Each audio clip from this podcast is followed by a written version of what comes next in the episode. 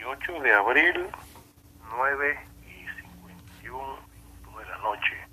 El sardinazo yo no fui, pretende incursionar un área bien completa de información para los usuarios de las redes sociales. Se trata nada más y nada menos de incursionar en el tema de, los autores venezolanos que han tenido algo que decir a través de la escritura, las prosas, las anécdotas, los las opiniones culturales, políticas, esa, esa visión del mundo que, siempre ha estado inserta en nuestro trajinar venezolano. Bueno, ese es el propósito fundamental para los próximos programas de El Sardinazo Yo No Fui. De quienes habla David Morales Cabrera, siempre ha estado interesado en profundizar en esos temas. En este sentido, contamos con la valiosa colaboración de la profesora Julia Alcibiade, quien es profesora de, del doctorado de Ciencias Políticas a la Universidad Central de Venezuela. Ella tiene todo el crédito de este trabajo, indudablemente. Este, es una de las ponentes que se ha interesado por estos temas de vital importancia para el país. Voy a hacer una breve reseña de ese trabajo que de ella y que nos va a guiar eh, los próximos trabajos, ¿no? Los próximos programas de El Sardinazo Yo No Fui. Eh, estas lecturas van a estar dirigidas a ampliar la comprensión sobre la problemática sociopolítica de nuestro país. Este propósito contiene dos aristas esenciales. Por una parte, intimar con las posturas y perspectivas que han ocupado eh, la reflexión de venezolanos eminentes por otra parte, es sustentar un juicio razonado sobre la realidad que nos circunda, trascendiendo el mero eh, debate de posturas acríticas.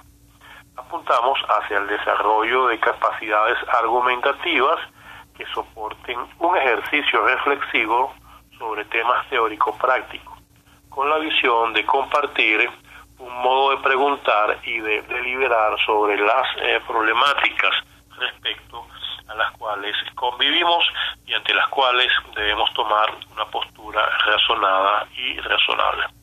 Esto es la justificación que propone eh, la profesora con sus propias ideas en el texto que nos está facilitando.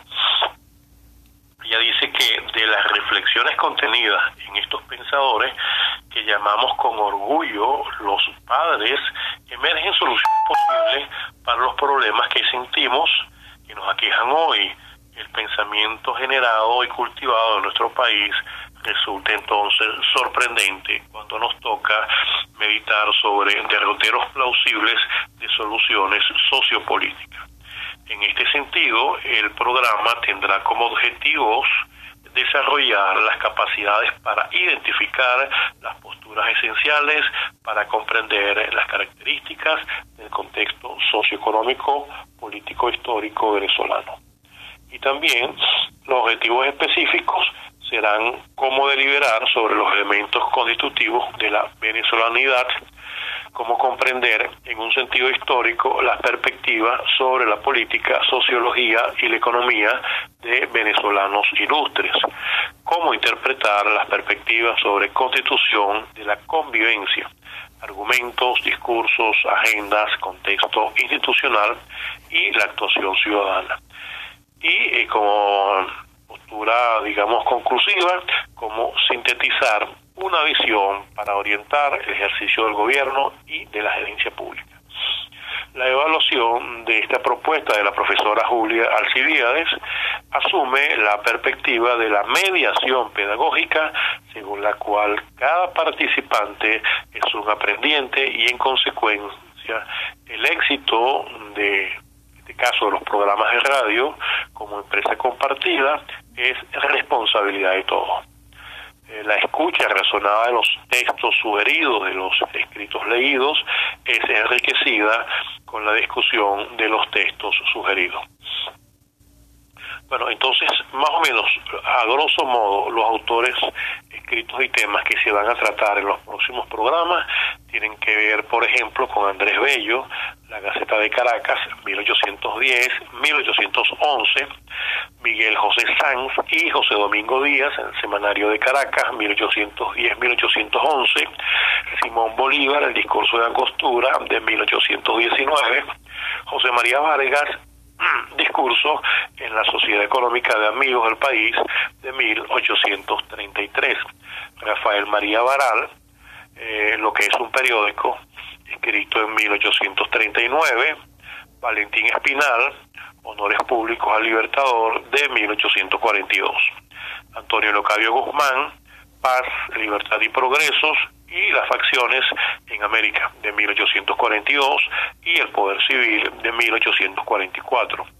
Felipe Larrazábal, a través de su ojeada histórica política sobre Venezuela en los 14 años de su administración constitucional de 1844. Blas Brusual, Progresos de la Opinión en Favor de los Liberales, de 1845. Simón Rodríguez, eh, extracto sucinto de la obra del mismo pensador sobre la educación republicana de 1849. Luis Anojo, El Foro de 1856 y Pedro José Rojas, Necesidad de Gobierno de 1860 y eh, Remedios Políticos 1861 y Carta a Páez de 1862.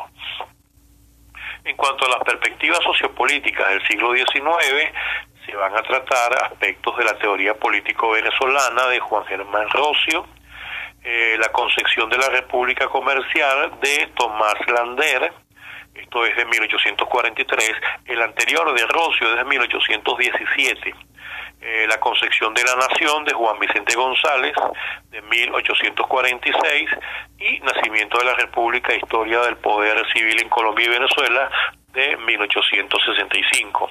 De Fermín Toro, Economía y Republicanismo, Reflexiones sobre la Ley del 10 de abril de 1834. Y Estado, Gobierno y Administración de Cecilio Costa, Leyes Secundarias de 1869. En cuanto a la problemática sociopolítica venezolana de 1900 a 1980, se van a tratar temas relacionados con Gonzalo Picón Febres, La Patria 1900, Pío Gil, Los eh, Felicitadores de 1910, Rómulo Gallegos, Doña Bárbara de 1929, Augusto Mijares, La interpretación pesimista de la sociología hispanoamericana de 1938 y Mariano Picón Salas, Comprensión de 1949. Y terminamos este aspecto, eh, la problemática sociopolítica venezolana, con los textos de Mario Briceño y Iragorri, Mensajes sin Destino de 1951 y Discurso Salvaje de 1980. Para terminar, en cuanto al descontento social y la crisis política que va de mil 1989 a 1998 eh, vamos a conversar sobre José Ignacio Cabrujas, el estado del disimulo, el país según Cabrujas y Luis Castro Leiva, discurso de orden ante el Congreso Nacional del 23 de enero de 1998. Para terminar, la profesora Julia Alcibiades, en su escrito, habla de una reflexión que dice así, nos comenta, de qué manera contribuye lo discutido y reflexionado a lo largo del monográfico para las responsabilidades de cada participante. Bueno, ya la secuencia y la justificación de lo que va a ser la cronología de los próximos programas de El Sardinazo Yo no fui, donde se van a hacer una serie de lecturas de interés práctico para promover las reflexiones actuales en la Venezuela del 2020, tomando a esos hombres y mujeres que vienen del pasado, que han hecho aportes importantes para la educación, la cultura, el pensamiento y bueno, todo lo que tiene que eh, ver con el qué hacer, con el preguntarse sobre qué estamos haciendo como país y qué hemos hecho realmente para valorar nuestros esfuerzos.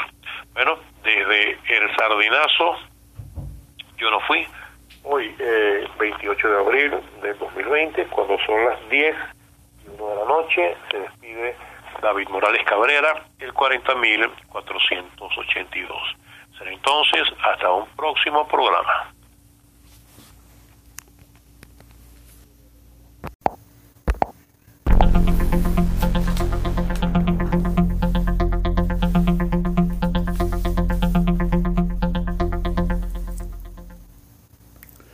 Muy buenas noches, 28 de abril del 2020, las 8 y 47 minutos de la noche. El día de hoy ha pasado bien intenso con lo que está sucediendo en el tema de la pandemia. Queremos seguir desde el programa El Sardinazo Yo No Fui, hablando sobre el tema de la literatura venezolana, tomando como referencia el libro del poeta escritor e intelectual Juan Liscano, Panorama de la Literatura Venezolana Actual de 1973. Es un libro que pertenece a la editorial Publicaciones Española, Sociedad Anónima, del año 1973. En este, en este libro tan interesante se describe un poco lo que ha sido la literatura venezolana desde el siglo XVIII. Y bueno, vamos hoy a tratar el tema de antecedentes temáticos y lingüísticos desde la página 17 hasta la página 21. Una reseña bien, bien ardua, bien documentada del poeta y escritor Juan Liscano. Y dice así, antecedentes temáticos y lingüísticos. La independencia de Venezuela, lograda después de una guerra cruenta que duró más de 10 años y tuvo episodios de sadismo inconcebible, como fueron las matanzas de la guerra muerte, decretada por Bolívar en 1813, aunque a la verdad desde antes estuvieron cometiendo atrocidades sanguinarias tanto los realistas como los republicanos no estuvo acompañada de un movimiento literario que tradujera a la ficción la intensidad de los sucesos vividos. En general sucedió lo mismo en los demás países hispanoamericanos, algunos de los cuales, como México y Perú, contaban, sin embargo, con una importante literatura colonial de ficción. Tan solo algunas individualidades intentaron verter la gesta emancipadora en el poema épico o bien exaltar poéticamente valores telúricos y geográficos, en función de una toma de conciencia de lo americano.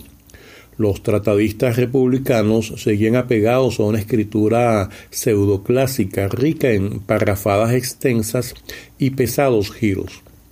En cambio, la abundante literatura política, gran parte de la cual está compuesta por discursos y proclamas, letras de canciones y artículos de combate, rompe con la escritura colonial y rebosa de énfasis patriótico, de gestos teatrales, de vuelos oratorios, de formas galicanas, inspirados por el estilo de la Revolución Francesa las proclamas napoleónicas y el lirismo del naciente movimiento romántico. Modelo de discurso jacobino es el que Juan Vicente González pone en boca de Coto Paul, uno de los exaltados tribunos de la sociedad patriótica, cuyas sesiones tormentosas determinaron la proclamación de la República en 1811. Entre comillas, la anarquía, esa es la libertad cuando para huir de la tiranía desata el cinto y desanuda la cabellera ondosa. La anarquía, cuando los dioses de los débiles, la desconfianza y el pavor la maldicen, yo caigo de rodillas a su presencia. Señores, que la anarquía, con la antorcha de las furias en la mano, nos guíe al Congreso, para que su humo embriague a las facciones del orden y la sigan por calles y plazas gritando libertad para reanimar el mar muerto del Congreso, estamos aquí. Estamos aquí en la alta montaña de la santa demagogia, cuando ésta haya destruido lo presente y espectros sangrientos hayan venido por nosotros. Sobre el campo que haya labrado, la guerra se alzará la libertad. Bueno, un comentario adicional Así hablaba esta gente de esa época de 1811 y estas son frases previas al 5 de julio de 1811. nos habla del talante formativo, cultural, denso, de esta gente que peleaba y luchaba por lo que creían en esos tiempos, empezando el siglo XIX. Sigue Juan Liscano hablando en su libro de literatura política. Los discursos y cartas de Bolívar constituyen el material más representativo de ese nuevo estilo coloreado y apasionado, metafórico, entrecortado y compulsivo que responde a las circunstancias históricas, a la fiebre republicana y a la acción de guerra cuyo trágico mecanismo se soltó con precisión implacable, llenando a Venezuela de esos espectros sangrientos invocados por Coto Paul. El propio Bolívar en 1811 clamaba y se preguntaba, ¿300 años de calma no bastan? Luego, a lo largo de su actuación cada vez más decisiva y llena de exigencias, madurará su expresión sin perder por ello su vibración y poder convincente, hasta conjugar la precisión del lenguaje y las visiones de una América unida y poderosa, o sumida en el caos y la desintegración. La Carta de Jamaica de 1815, como la Carta al general Flores de 1830, constituyen dos momentos de vivencia de este genial venezolano, el libertador Simón Bolívar, de este hombre que hizo historia y fue después capaz de criticarla desde su desencanto crepuscular. En la primera exclama eufórico comentaba, Qué bello sería que el istmo de Panamá fuese para nosotros lo que el de Corinto para los griegos. Ojalá que algún día tengamos la fortuna de instalar allí un augusto Congreso de los representantes de la República, reinos e imperios a tratar y discutir sobre los altos intereses de la paz y de la guerra, con las naciones de las otras partes del mundo. En la segunda, en el segundo momento, vencido por la enfermedad y la anarquía, estamos hablando de 1830, reconoce melancólicamente que la América es ingobernable para nosotros, que el que sirve una revolución hará en el mar y que este país caerá infaliblemente en manos de la multitud desenfrenada para después pasar a tiranuelos casi imperceptibles de todos los colores y razas, devorados por todos los crímenes y extinguidos por la ferocidad. El estilo de Bolívar y de los tribunos republicanos respondía a una circunstancia histórica que al determinarlo también lo limitaba como elaboración literaria específica. Era auténtico por cuanto la autenticidad de la guerra emancipadora no puede ponerse en duda Inmersos en la historia, aquellos hombres hablaban enfáticamente, evocando la gloria y el heroísmo para convencer, para lograr prosélitos, para acusar y mover contra el enemigo realista. Era un estilo y una escritura publicitaria, en cierto modo. Más tarde, Juan Vicente González de 1810 a 1866, y su discípulo Eduardo Blanco, de 1840 a 1912, intentarían convertir esa escritura y ese discurrir patéticos en materia literaria, con el riesgo de que se perdieran gran parte de su eficacidad, de su autenticidad, y decayeran en una retórica poco convincente. La biografía de José Félix Riva por Juan Vicente González, publicada en la revista literaria de 1865, se salva en parte de aquellos defectos por la penetración en rasgos psicológicos de lo criollo, por los vuelos líricos y por la intuición que convierte a José Tomás Boes, el temible jefe realista, a la cabeza de las hordas de llaneros en el primer caudillo de la democracia venezolana nacida en los campamentos y las sublevaciones de la plebe contra el mantuanaje patriota. Dividido entre su formación clásica y los énfasis de la épica romántica y el folletín, Felipe Larrazábal, quien vivió de 1817 a 1873, compone su monumental y en aquella época popularísima Vida de Bolívar, esto es en 1865, la cual implicó un admirable esfuerzo de recopilación de documentos y datos, particularmente difícil entonces, pero que en su empeño de idealizar al libertador incurre en ingenuidades, exageraciones ditirámbicas y desaciertos de lenguaje. Sin embargo, como lo apunta Picón Salas, esa obra creó la imagen popular de Bolívar, no solo guerrero y político, sino paladín romántico, héroe lleno de ingenio e imaginación, de generosidad, enamorado varonil de la mujer, personaje galante y enérgico a la vez. De ese modo, el estilo patriótico y revolucionario de los dirigentes y tribunos brindaba tardíos frutos que se confundieron con la retórica ampulosa de un romanticismo épico sin proyección metafísica como el anglosajón y el alemán, ni introspección en el mal del siglo como el francés. El lenguaje post-republicano tendió demasiado a ser prosa de fanfarria.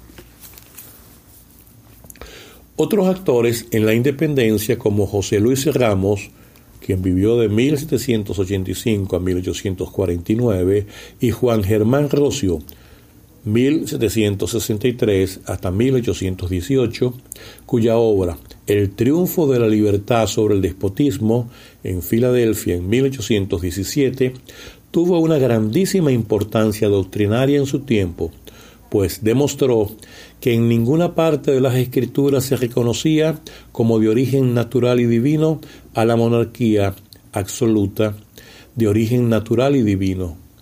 Ni se defendían los privilegios feudales que aquella protegía, o bien otros contemporáneos de Juan Vicente González, como Fermín Toro, 1807, 1865, y Rafael María Baral, 1810 y 1860, se mostraron más apegados al castellano tradicional. En sus obras no abundan tanto los galicismos ni impera el soplo desordenador de cláusulas gramaticales establecidas. Con un estilo más suelto que el de Ramos y Rocio, pero prudentemente alejado del patos patriótico, escribió su obra Francisco Javier Llanes, 1777-1842, tratadista de la doctrina del gobierno representativo, conocedor de Montesquieu y Rousseau, Hobbes y Locke, Constant y Battelle, Hamilton y Madison, Besant y de Tracy, abstracto teórico impersonal, frío pero bien organizado, el pensamiento de Yanes compagina y resume en síntesis ponderadas las opiniones de los más calificados representantes del juicio político, jurídico, económico de su época. Su propósito es darle base doctrinaria a la revolución dentro de conceptos de gobierno representativo, electivo, colectivo, alternativo y responsable, a la manera del que funcionaba en los Estados Unidos, en donde escribe, existe la democracia sin desorden, la aristocracia sin privilegios y el poder ejecutivo sin tiranía. Yanes puede ser calificado hoy como una de las mentes más equilibradas de aquel agitado periodo. Su escritura, concisa y despojada, aspira a ser la exactitud científica a la máxima ejemplar. Publicó Manual Político del Venezolano en 1824, Compendio de Historia de Venezuela en 1840 e Historia de la provincia de Cumaná. El notable polígrafo Pedro Graces descubrió hace unos años que las epístolas eh, de 1835, atribuidas a Juan Vicente González, eran de Llanes. Bueno, hasta aquí eh, parte del programa que estábamos conversando acerca del tema literario de Venezuela, sobre todo en la época de la independencia. El libro es de Juan Liscano, como ya lo mencionamos, Panorama de la literatura venezolana actual.